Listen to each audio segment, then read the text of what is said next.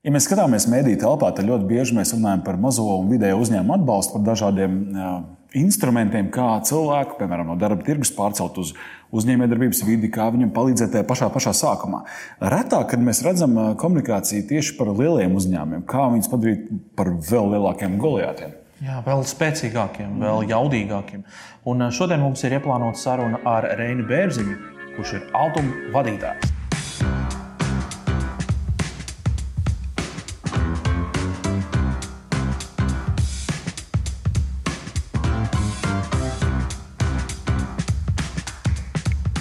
Latvijā ir apmēram 200 tūkstoši uzņēmumu. Bet tajā skaitā iet iekšā arī tie, kas griež no koka auseklīšus un uh, tirgo uh, gada tirgos. Un, protams, tur iet iekšā arī milzīgi. Protams. À, bija kaut kāda necēnīga pateica. Ja?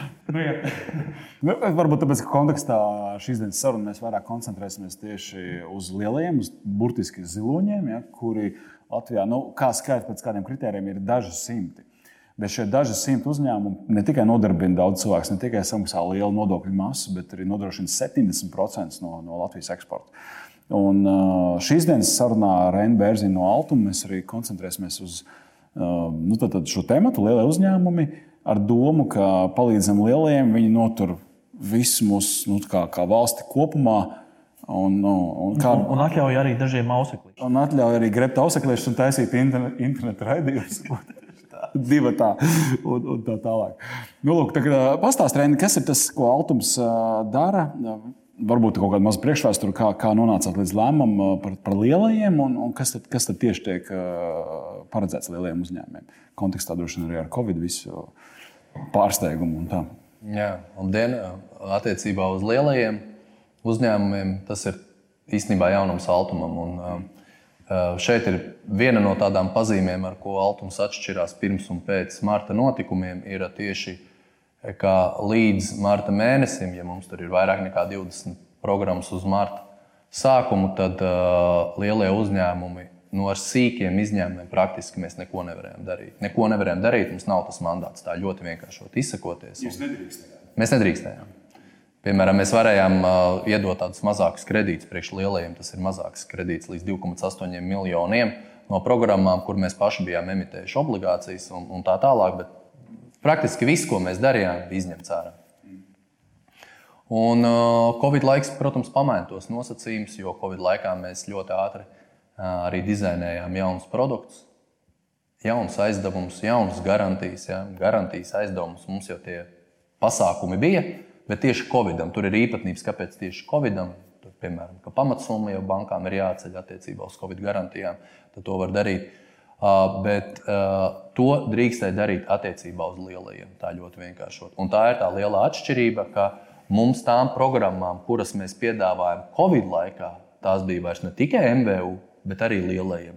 Arī lielajiem varam izsniegt apgrozāmo līdzekļu aizdevumu līdz vienam miljonam Arī lielajiem varējām izsniegt garantiju līdz 5 miljoniem. Un mums jau tad aizgāja tā, tādu sīpolu, mizojot jau nākamās šķautnes, ka mums bija ne tikai arī lielajiem, bet jau radās arī programmas tieši lielajiem. Kas atļāva? Jūs teicāt, nedrīkstēja, un pēkšņi drīkstēja. Nu, skaidrs, tur bija pandēmijas efekts. Eiropas komisija, mūsu valdība. Mums, mums principā, protams, katra programma, ko Altums izstrādā, mums ir jāparāda um, tirgus nepilnība, market gaps, Mēs to diskutējam ne tikai ar mūsu ministrijām un valdību, bet arī ar Eiropas institūcijām.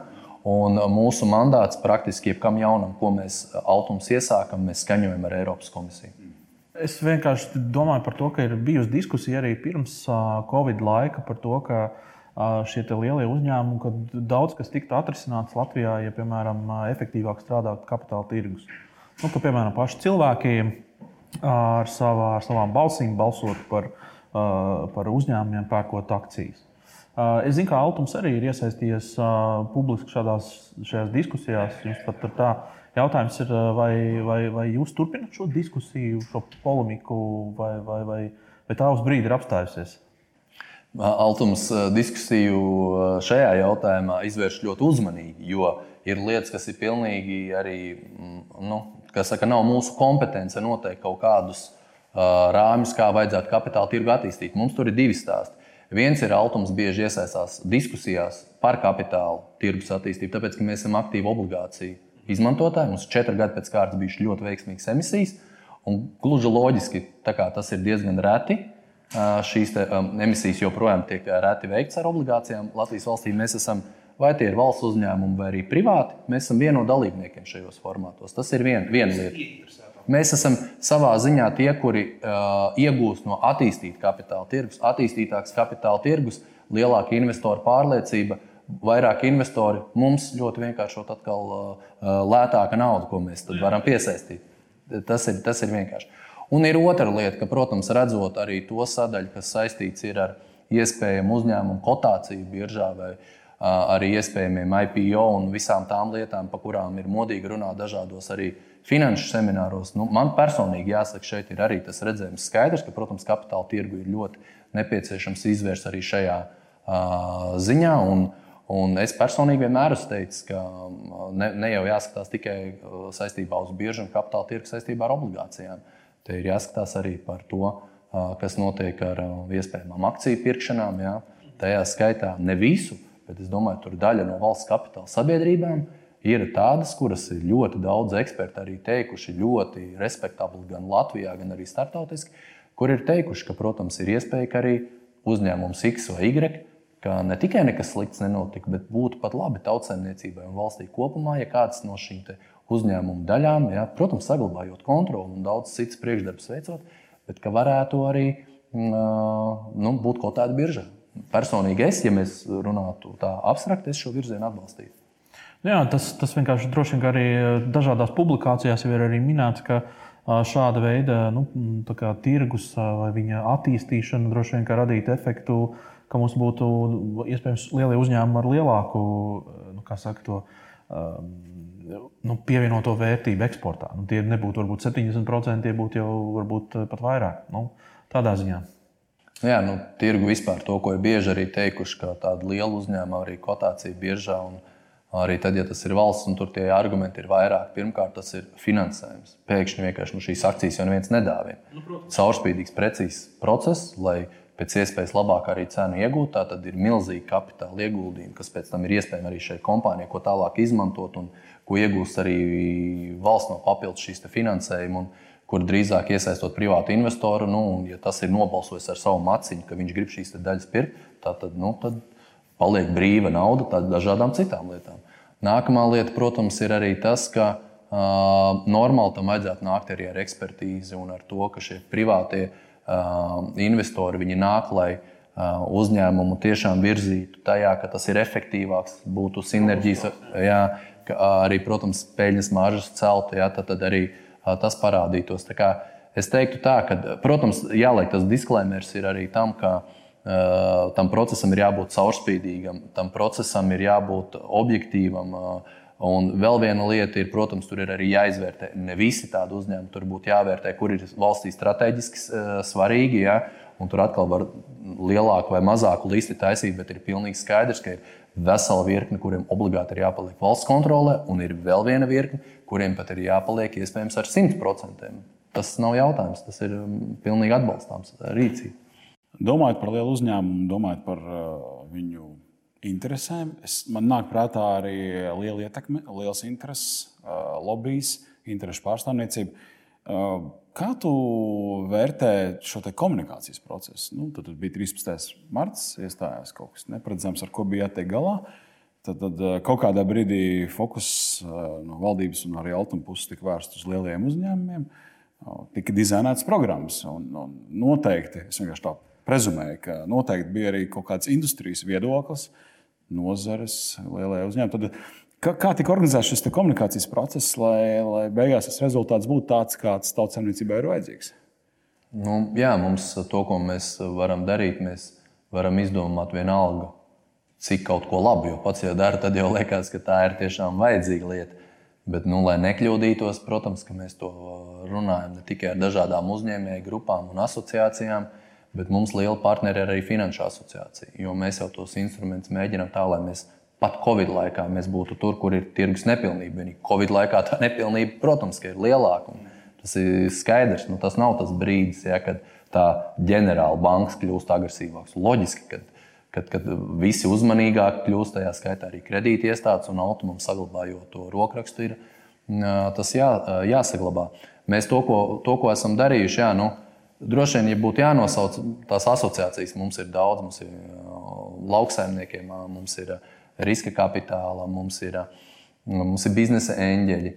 Mums ļoti daudz tādas asociācijas, kuras darbojas konkrētajos tajos virzienos, bet Altumam tāda viena no svarīgākajām ir Finanšu asociācija. Jo bankas ir mūsu partneri, garantija mēs vispār nevaram izsniegt bez bankas, kā, lai kā mēs gribētu. Ja.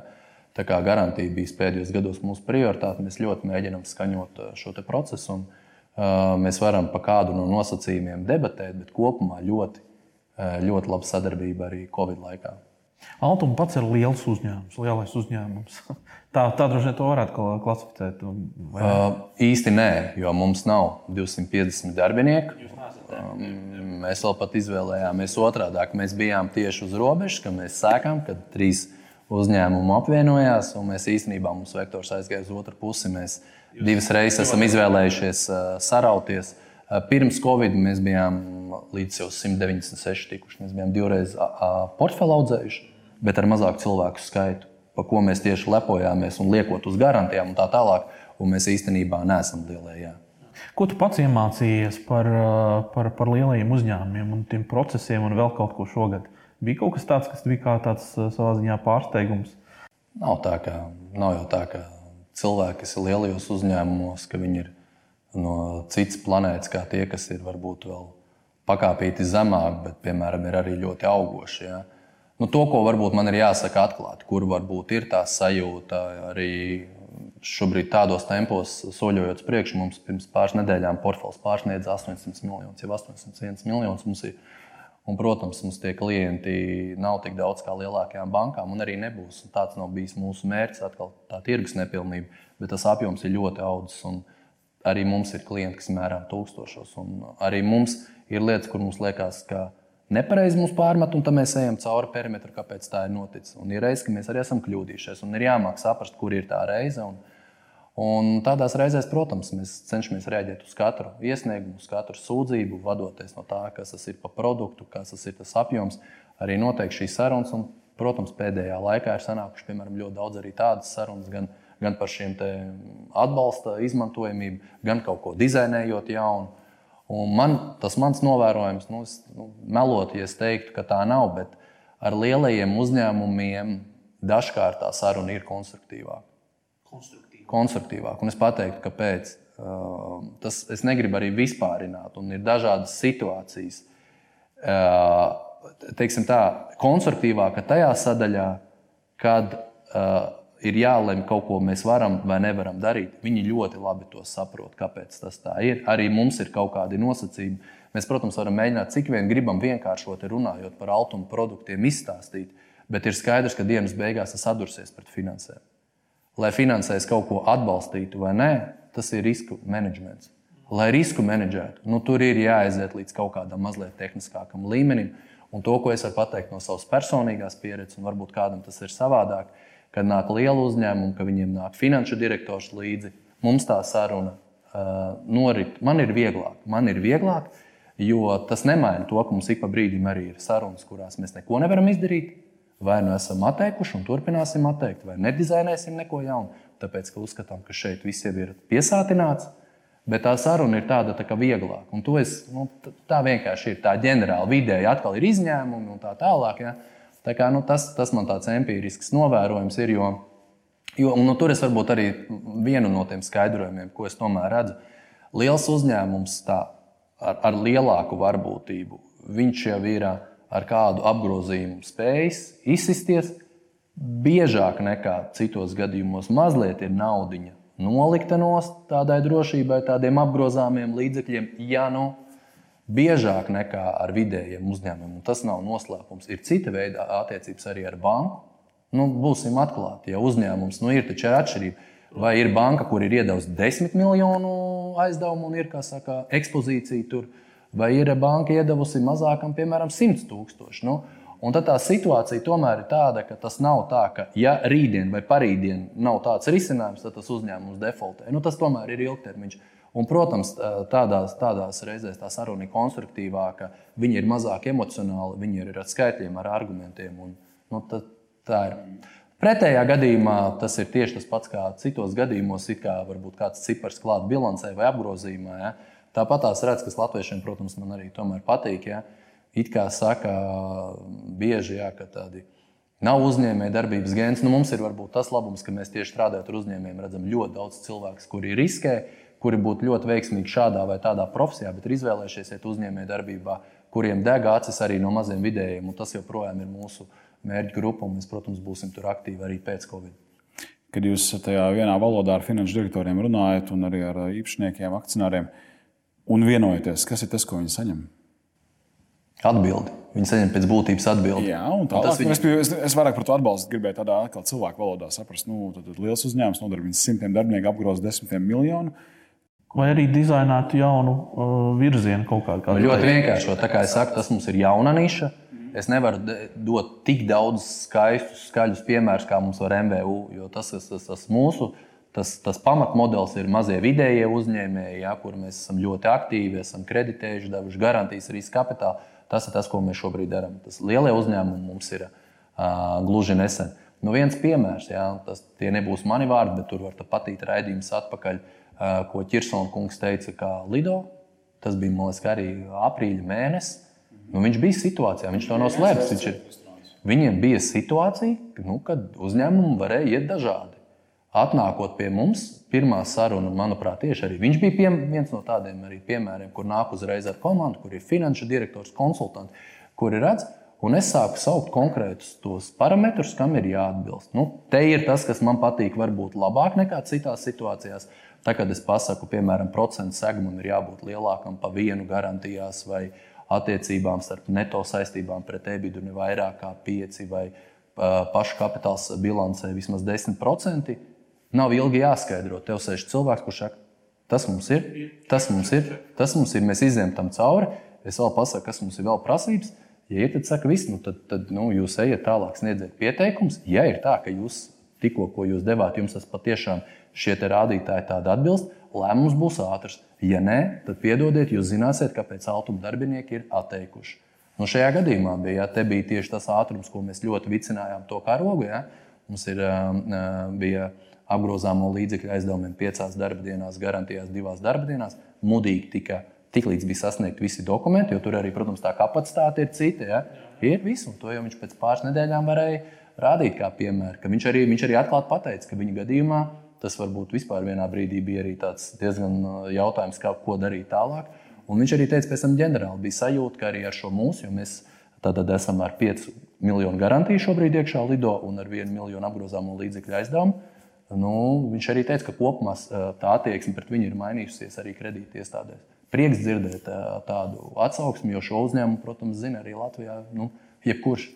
Ja mēs runājam par tiem lielumiem, liels uzņēmums, mazs, vidējs uzņēmums, Um, tas, kas man nāk prātā, ir tāds salīdzinājums ar dabu, ka uh, dabā nereti ir tā, ka teiksim, tie lielākie viņi vai nu tos mazos ignorē, vai uz viņiem skatās no, no, no, no augšas, vai, vai tā komunikācija ir tāda, nu, mēs jau te paši zinām, jā, mūsu cilvēki te paši ir gudri. Uh, vai teiksim, kaut kādā ziņā neesmu kaut kā saskāries ar to, ka nu, atnāk tas zilonis tajā telpā, tas begemots. Jūs jau esat tas tas altums. Jūs jau esat no tie, bet, bet šajā gadījumā, ko tu nu pat noraksturoji, īstenībā ir, ka tu esi palīdzējis vecāko klašu skolēnam. Tā kā sanāk, nu, no tā, ja mēs tādu salīdzinājumu to darām. Nu, es vispār uh, Altumā jau arī esot uh, šobrīd jau piecus pilnus gadus. Nu, tu jau arī redzi to stāstu kā, nu, saka, no case stadijas. Un es ieteiktu vispār uzņēmumiem kopumā neaizrauties ar tādu attieksmi. Mēs paši pa brīdim, kad beidzam savus seminārus, un ja kaut ko arī esam izdarījuši, tā kā mums ir paticis, vienmēr atkārtojam, da, tikai nepaliekam lepni. Un man ir bijusi situācija, kad es skatos dažādas, dažādas arī tādas, nu, kā lai pasaka, virzības uzņēmumiem dažādās nozarēs. Nu, šobrīd es diemžēl varu secināt, mums ir bijis um, ekspozīcija arī divos uzņēmumos. Atkal Latvijā zināmos, ja, tie gan neviens ne otrs nav lielie. Tas ir vismaz pa vienu, es pilnīgi noteikti varu pateikt, otrs varbūt vēsturiski ir bijis. Tas ir dzintars un tā ir Madara kosmētikas. Un vienkārši pa gadiem ejot, tomēr var redzēt, kurš biznesa modelis atkal var likties ļoti tādi vispārīgi vārdi, bet virzību uz inovācijām. Sekošana līdzi izmaksām. Lepnība komunikācijā. Uh, jā, tā, tā var būt, jā, bet es arī skatos nu, no tā biznesa modeļa. Jā. Tajā skaitā uzņēmums, ko mēs iesākām IPO. Nu, tas ir Madaras gadījums. Jā, un, un, un, un mēs esam iekšā arī šajā uzņēmumā ar, ar ļoti, ļoti dažādiem instrumentiem. Jā, tad man ir prieks, ka divus gadus atpakaļ no Latvijas, Baltijas līmenī divi uzņēmumi saistībā ar savu darbību biežā dabūju balvu. Tas bija Altums un tā bija Madara. Un mēs skatāmies, kur ir otrs uzņēmums. Man liekas, es nevaru tagad, es neesmu tik gudrs, lai pateiktu tieši kurā ceturksnī vai kurā pusgadā varbūt lēmumi varēja tikt pieņemti savādāk. Ja? Bet tā proporcija, kāda bija apgrozījumos un peļņā, es pat redzēju, kā viņa mainās. Jo abi ir. Viens ir viena veida klients, otrs ir otra veida. Ja? Mēs zinām, otrs ir bijis ar pilnīgi citu iznākumu, un tur mums bija vairāk jāsako līdzi, lai mūsu nodrošinājums um, tiek, tiek, tiek, tiek realizēts labi, un otrs ir pilnīgi augošs. Nu, šeit ir arī varbūt nav jau atšķirība, cik ir nulles uh, bilancē. Madara kosmetikas arī nav lielākais uzņēmums šobrīd. Uh, nebūtu arī uh, valstī, ja? bet tā virzība ir skaidra un kaut kur citur. Tā kā, tāda baigā iedomība, man liekas, 21. gadsimtā nav pareizākais risinājums. Īpaši biznesā, īpaši mazā tirgu. Nu, tu vari būt lielais vodafons un uz visiem skatīties no augšas. Nu tā, bet nu, arī ilgtermiņā droši vien nav pareiza stratēģija.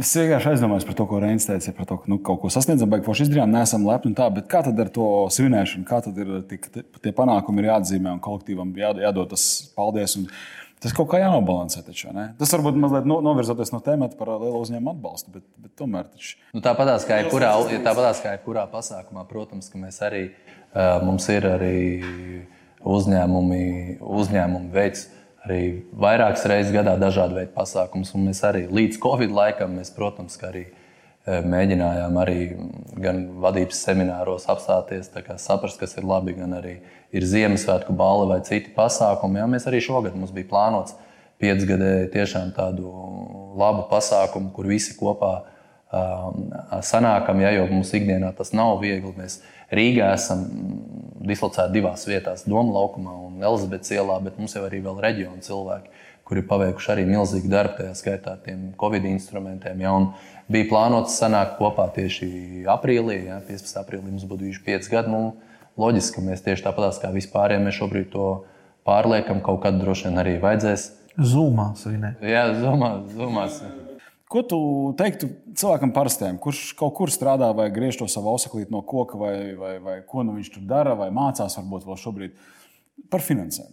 Kas ir tas, ko tu ikdienā redzi sabiedrībā, kur tev liekas, ka, nu, ja tev kāds prasītu padomu, nezinu, ABC finanšu tematā, ko tu viņam atbildētu? Ja man ja prasītu mazāk, varbūt uzņēmumu, jo mēs jau šodien runājam par tiem lielajiem, jā, un tad tur ir cits vektors to, ko tu tikko noraksturoji. Es teiktu, tā, tu tā esi uzņēmumu, un varbūt tev pat nav finanšu direktors, nu kaut kādas, zin, kā, nu, ātri tur uh, lifta sarunā, kas ir tas, ko man vajadzētu pievērst uzmanību. Es gribu dibināt jaunu uzņēmumu. Ja?